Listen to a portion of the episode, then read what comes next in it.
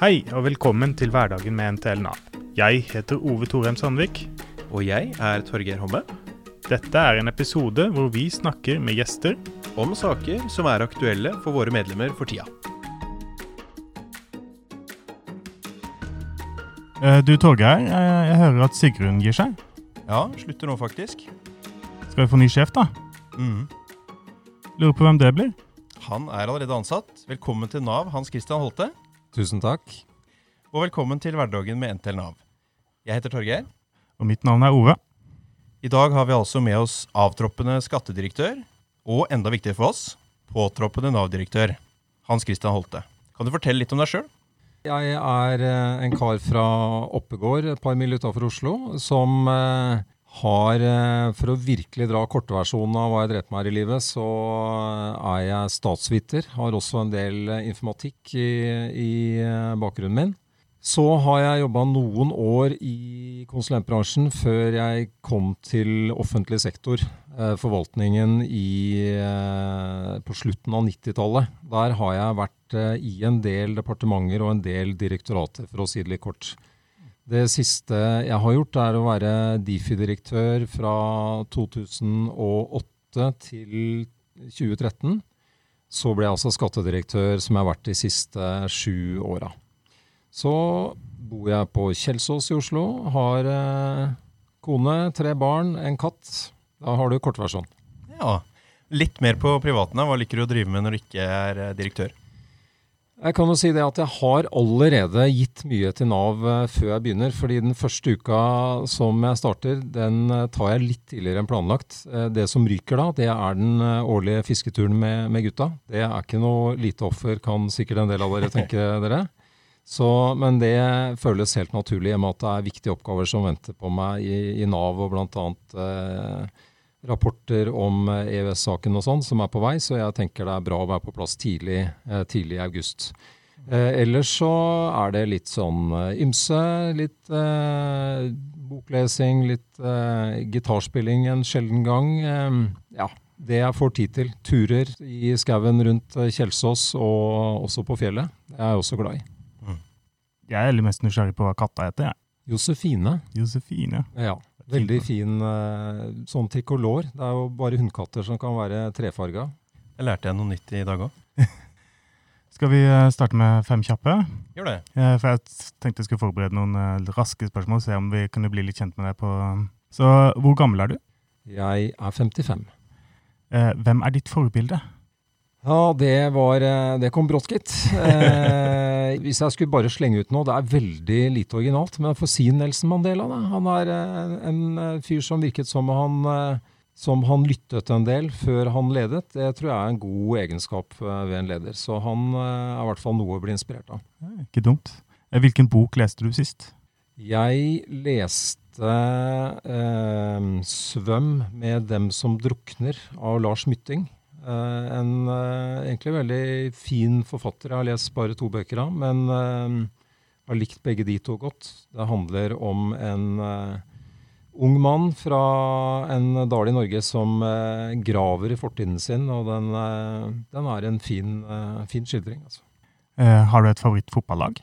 Jeg har to. Jeg har et norsk og et, eh, et i England, sånn som mange har. Det er The Gunners, altså Arsenal, eh, som jeg begynte å holde med sånn rundt eh, 1971-72, da de tok det double. Altså begynte som medgangssupporter, og det er ikke fullt eh, så bra nå. Kan ikke bli skyldt for det akkurat nå. Nei, ikke akkurat nå. Men det kan kanskje det andre laget, hvor det var litt motsatt. For jeg begynte å, å holde med Molde sånn på 70-tallet.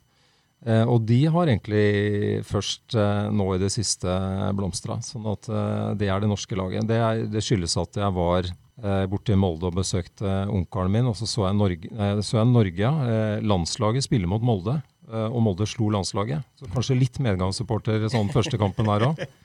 Men det er i hvert fall de to lagene som jeg eh, følger med på. Og så et siste spørsmål. Jeg vet du er litt inne inn i musikkens verden. Eh, Beatles eller Rolling Stones? Jeg sier egentlig ja takk, eh, begge deler der, altså. Eh, men eh, jeg har nok eh, flere Beatles-låter innabords enn Stones. Men begge deler. Ja, for du liker å spille gitar, så vidt jeg skjønner? Jeg liker å spille gitar, det gjør jeg. Spilt gitar for skatteetaten? Ikke ofte, tror jeg vi kan si. Blir det sang for Nav? Jeg tror ikke dere skal Jeg tror jeg nesten må bruke ordet frykte. Jeg tror ikke dere skal frykte en direktør som går rundt og, og spiller og synger i tide og utide, altså. Men jeg trives med det. Men ja, jeg har også en viss eh, selvinnsikt. Vi har fått inn eh, litt spørsmål fra medlemmene våre. Og på det her med deg privat, så spør Ricky, som jobber på arbeidslivssenter, hva motiverer og engasjerer deg i jobben? Hva brenner du for?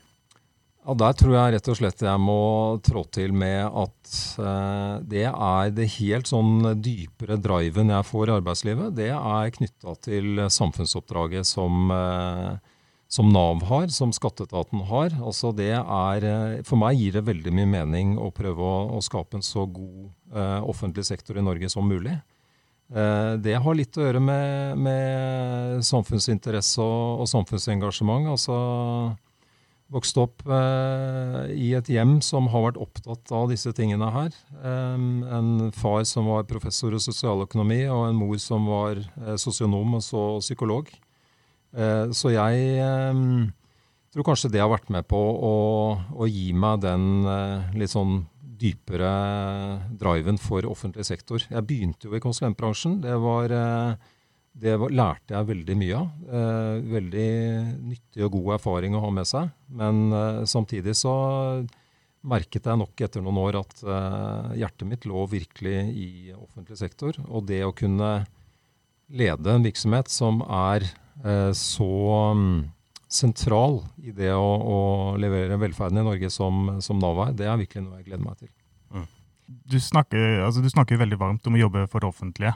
eh, og lurte litt på, er det eh, du, du nevner din mor og far og, og bakgrunnen og sånt, men er det, er det noe særlig ved å jobbe i det offentlige? Altså, er det noe, noe, noe konkret du kan vise til som godt, som du liker ved å jobbe med i det offentlige?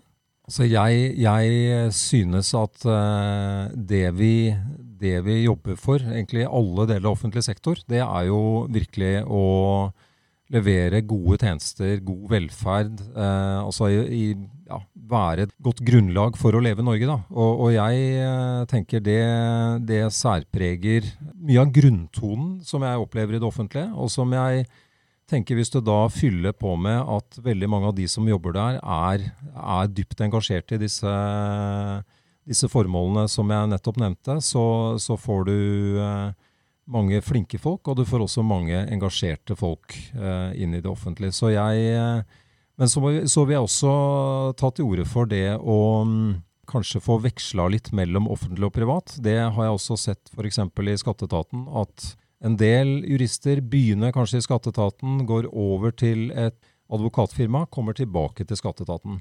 Sånne, sånne vekslinger mellom disse verdenene, det å bygge ned de skottene, det tror jeg også er, er veldig bra. Charlotte hun lurer på om du kjenner til arbeidet i Nav hjelpemiddelsentral, der hun jobber. Eh, Det er en stor organisasjon som du skal inn i. Hvor godt eh, kjenner du egentlig de ulike delene av etaten? Det kan jeg si veldig enkelt og greit med en gang. Jeg kjenner eh, hele etaten og de ulike delene akkurat nå eh, altfor dårlig. Nå har jeg vært opptatt med å være skattedirektør og, og har ikke fått jobbet mye med å orientere meg i Nav. Det gleder jeg meg til å gå skikkelig inn i. men når det gjelder Hjelpemiddelsentralen, så vet jeg at det er en, eh, det er en stor virksomhet. Altså Det er over 1000 mennesker, og de har et bredt spekter av, av hjelpemidler. Eh, Jeg, eh, moren min som, eh, som nå ikke lever lenger, hun brakte meg i kontakt med Hjelpemiddelsentralen. Hun var blind de siste årene av sitt liv, så det er, det er et eksempel på at jeg har sett eh, hvordan Hjelpemiddelsentralen også, også jobber. Så med mine gamle foreldre som, eh, som nå ikke er der lenger, så, så har jeg også sett eh, hva, hva Hjelpemiddelsentralen kan tilby fra brukersida. Til denne episoden så har vi fått inn rundt 100 spørsmål. Eh, det viser både det at vi har veldig engasjerte medlemmer, men også at mange er nysgjerrig på deg. Eh, du var jo ikke usynlig for å si det sånn som skattedirektør heller, på langt nær. Men kanskje blir det enda mer oppmerksomhet på deg nå som du skal ta over Nav. Er du klar for et enda sterkere søkelys fra august? Jeg tror og håper det. Eh, Jeg tenker jo at eh, noe av grunnen til at søkelyset er så sterkt i Nav, det er jo at eh, veldig mange bryr seg, rett og slett. Veldig mange er opptatt av hva, hva Nav skal levere på. Jeg ser jo også at eh, Nav kanskje på i det daglige er nærmere politikken enn en det skatteetaten kanskje er. Det er mye politikk i skatteetaten også, i, i det som vi skal forvalte av, av regler osv. Men allikevel, jeg tror kanskje Nav er hakket nærmere. Men, men jeg, opplever, jeg kjenner meg klar, eh, klar, for det. Jeg håper at jeg skal kunne bli en god eh, ambassadør for Nav. Eh, noe av det som jeg er opptatt av for å komme dit, er jo selvsagt å ja, for det vi nettopp snakka om, altså å, å, bli godt kjent med virksomheten. Det betyr jo ikke bare å vite om de ulike avdelingene osv., men det betyr også at jeg ønsker å eh, skjønne hva folk gjør ute i organisasjonen. Bli, bli, kjent med arbeidsoppgavene, rett og slett. Det betyr ikke at, eller Jeg har ikke tenkt å bli veldig sånn styrende på detalj, men jeg trenger å være en anstendig direktør som skjønner hva jeg snakker om når jeg snakker om de ulike delene. Eh, det tror jeg også er et um, viktig grunnlag for å kunne ta kloke beslutninger. I dag så har vi også med oss leder i NTL Elisabeth Steen. Velkommen, Elisabeth. Eh, hva er dine forventninger til den nye Nav-direktøren? Ja, jeg har jo en forventning om at den nye direktøren vil lytte til oss som representant for de ansatte. Og, og ta medbestemmelsen på alvor.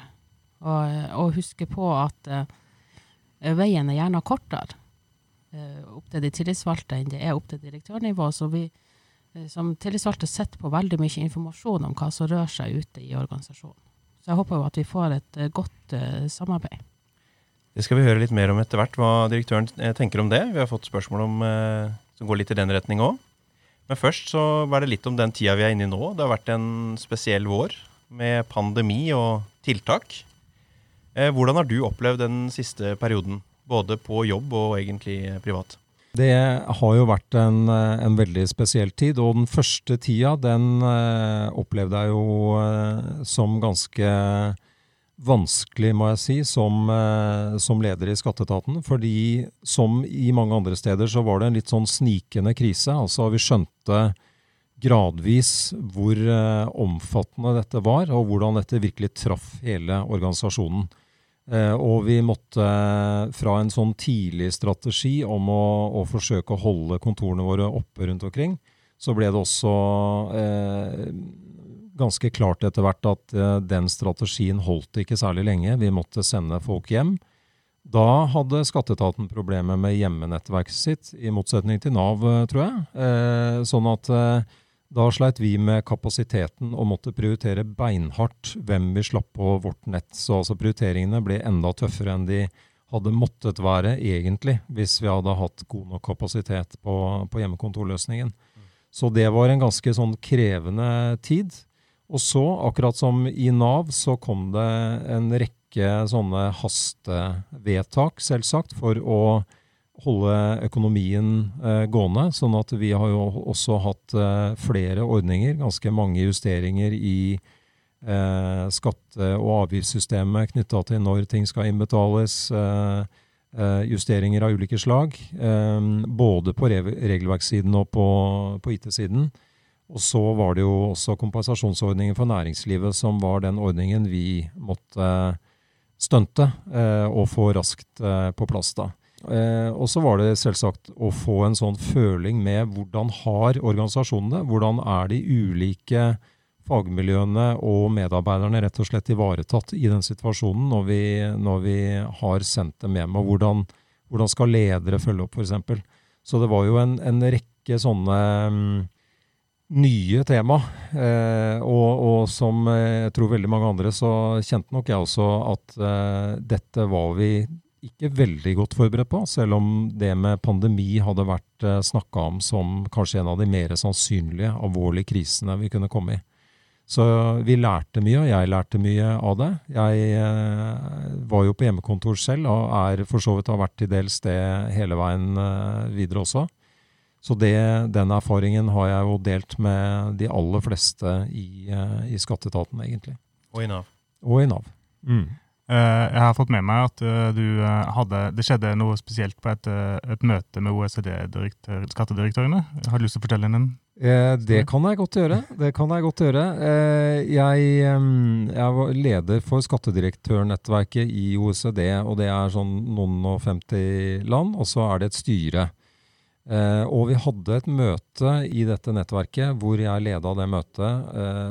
Da hadde jeg hele familien min hjemme på hjemmekontor, så jeg hadde, jeg hadde kona og tre unger, og fant ut at eh, det stedet jeg kunne sitte og lede dette møtet da, på Zoom fra iPaden min, det var på soverommet. Så jeg satt der på soverommet, hadde rigga meg til, nøytral bakgrunn, alt var eh, greit. Og det var rett og slett veldig interessant. Det, altså, det var et møte hvor vi fikk disse historiene fra ulike deler av verden. og eh, Istedenfor å møtes i Paris, som vi vanligvis gjør, så møttes vi altså via Zoom. Men det var altså litt sånn spesielt å sette over til Sør-Afrika, over til Russland. Altså være rundt i verden i denne situasjonen. Men så ser jeg da til min uh, forferdelse at uh, jeg ser på iPaden min, så ser jeg der står det 2% batterikapasitet. Så da, og da var jeg midt i møtet, og det var uh, lenge igjen. Så da sendte jeg sånne, prøvde jeg å multitaske litt. altså Jeg sendte sånne desperate meldinger på mobilen mens jeg satt der og, var, og ledet møte og prøvde å se rolig ut. Så sendte jeg meldinger til døtrene mine, for jeg tenkte de er jo de er jo i hvert fall på, på, mobilen, og de er litt tekniske, så jeg ba om kan dere komme med en skjøteledning? For jeg så det lå liksom en lader nede i hjørnet der, men jeg visste at jeg kunne ikke få rekket den helt opp til, til senga. da. IT-support? IT-support, eh, så jeg ropte på IT-support via mobilen min, og så virka det som de døtrene de hadde bare merka seg det første jeg sa, nemlig 'ikke forstyrr'. Ikke forstyrr, for nå går jeg inn og har et viktig møte. Så det, det forholdt de seg til, da.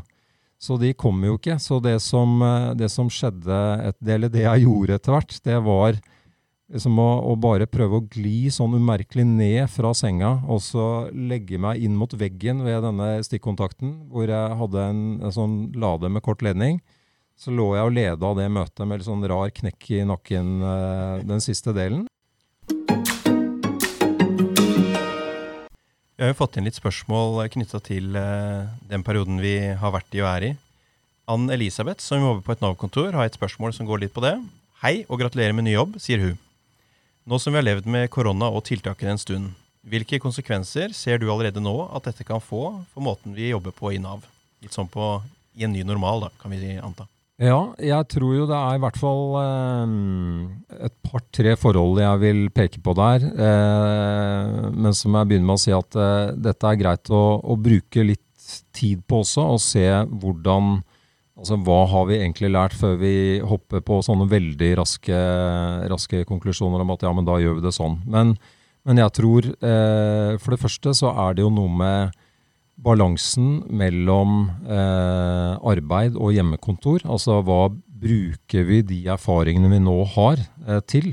Hvordan, hvordan, tenker vi? Jeg tror ikke nødvendigvis vi tenker som eh, Telenor eh, har, eh, har, gjort. Fra nå av er det full eh, liksom fri flyt av, av, hvor man skal befinne seg i verden. Det, det tror jeg ikke fungerer. Men at vi må se på hva den erfaringen med så mange på hjemmekontor, hvordan den brukes.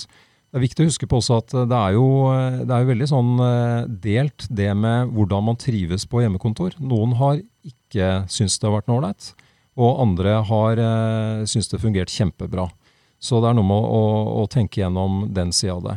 Det er det ene. Det andre er eh, det med alle disse utrolig raske utviklingsløpene som vi har eh, blitt eh, pressa til å få til, både i Nav og i skatteetaten, som jeg nå kommer fra. Jeg tror det er en viktig erfaring å se på. Hvordan har det fungert? Hva er det som har gjort at Nav, som jo har kommet fram, har levert på 11 av disse 12 eh, tiltakene utrolig raskt, og også det fjerde, nei, det tolvte også raskt, eh, selv om det var litt eh, kluss der. Hva tar vi med oss av erfaringer av hvordan vi har jobbet med det? Min hypotese da er at eh, vi kanskje har tatt noen snarveier som har vært eh, riktige å ta i denne situasjonen, som vi kan se på om det går an å bruke mer eh, framover, så ting går raskere. Ja, Vi har fått inn noen spørsmål om hjemmekontor òg. Første fra Heidi, som jobber i Nav arbeidsytelser. Mange av medarbeiderne i Nav har hatt hjemmekontor siden midten av mars, og kan gjerne tenke seg å fortsette med hjemmekontor, på heltid eller deltid. Nysgjerrig på dine tanker. Det var du inne på. Tom fra Nav-kontor sier at mange i Nav opplever større grad av trivsel og høyere grad av produksjon mindre grad av forstyrrelser, mener han, på bakgrunn av fleksibel arbeidstid og hjemmekontorbruk. Erfaringene erfaringen er gode, viser han til, da, selv om han også savner kolleger i det fysiske arbeidsrommet. Hva tenker den nye direktøren om fleksibel arbeidshverdag for sine ansatte? Kan du si litt mer om det, da, den delen av det? Ja, eh, jeg tror som sagt at eh, det er viktig å ta med at her, eh, her får vi mange hensyn som vi må se på samtidig. Det ene er at jeg tror det er helt riktig som, som blir sagt her, at mange har funnet det den siden av koronasituasjonen da, egentlig ganske positiv. den fleksibiliteten og den den muligheten til å jobbe mer hjemme. Eh, det har jo ikke bare vært en mulighet, da, det har vært en, en, nødvendighet. Men så er det viktig å ha med at det er ikke alle som, som er der. Så er det jo andre hensyn enn eh, det at man syns det er behagelig å sitte på hjemmekontor, som man også må ha. Det er hvordan fungerer samarbeidet, hvordan fungerer jobben man skal gjøre. Eh, da tror jeg vi skal eh, heller ikke ta for lett på ting. Altså det er ganske grunnleggende i vårt arbeidsliv at arbeidslivet foregår på jobben, og hva som skjer hvis alle folk plutselig, eller ikke alle, men i hvert fall en stor del, plutselig sitter hjemme. Eh, det, det ville jeg eh, ikke tatt for lett på. Sånn at jeg, jeg, tenker både det med hjemmekontor, det med å bruke digitale møter istedenfor fysiske møter. Det er noen eksempler på hva vi bør se på, og kanskje bruke til å skape noe mer fleksibilitet, hvis vi kan få til det på en god måte. Eh, men at vi er veldig nøye på som rammene for det, og hvordan det skal, skal, fungere i praksis. Da. Så dette er en typisk sak som jeg tenker eh, er en god sak å, å i første omgang diskutere litt sånn mer overordna og, og løselig i medbestemmelsesapparatet. Og så som hører også, Der vil det være interessant å høre hva dere får av signaler og, og synspunkter fra, fra, deres medlemmer også, selvsagt. Hjemmekontor, Elisabeth, det blir et viktig tema på andre sida av ferien. og Hva syns du om det direktøren uh, sier? Jeg synes jo det høres ut som direktøren har, uh, har, en del fornuftige tanker som hun kan, uh, kan, dele. Det er jo viktig at vi ikke tar uh, forhasta avgjørelser her. Og ja, vi får jo tilbakemelding fra medlemmer som syns det er veldig greit å sitte på hjemmekontor. Det handler jo om at eh, man får redusert litt av hverdagsstresset, og at man ikke har lederen hengende over skuldrene. Eh, så det er jo nok noen ledere som kunne ha lært litt av at folk uh, får gjort mer når de får være i fred, enn når man hele tida driver og spør om og overvåker hva de holder på med. Mm. Så det er jo en erfaring som er viktig å ha med seg. Uh, og så er det jo også sånn at at det er jo en grunn til at vi har en arbeidsplass der vi møtes. Det er jo arbeidsplassfellesskapet og eh, det å være en del av et, eh, et, faglig miljø. Altså Skal du ha arbeidsplassen din hjemme, så må jo også arbeidsgiver ha tilgang til arbeidsplassen. Og Arbeidstilsynet må kunne komme og, og sjekke hvordan arbeidsforholdene er osv. Så, videre. så det er forskjell på å ha hjemmekontor en kort periode og ha det permanent. Det vil jeg ikke anbefale.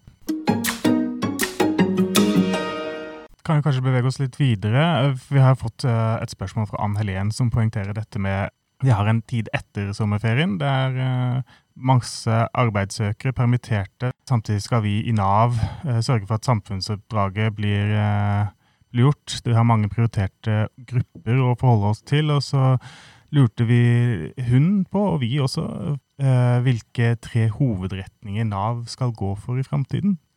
Det er nok litt tidlig for meg å bli veldig tydelig på det. Der tenker jeg at jeg trenger å eh, bli godt kjent med organisasjonen. Men, men, det jeg liker med det spørsmålet, det er at vi har en retning. At vi, vi ser framover og tenker ok, her er Nav i dag. Eh, hvis vi tenker la oss si ti år fram, da, eller eh, fem til ti år fram, hva er, de, hva er, de, viktigste utviklingsambisjonene vi skal ha? Hva er det som eh, verden rundt oss krever? Hva er det som utviklingen krever som gjør at eh, ja, når vi tenker på Nav i, i 2028 f.eks., så, så har vi flytta oss på disse områdene.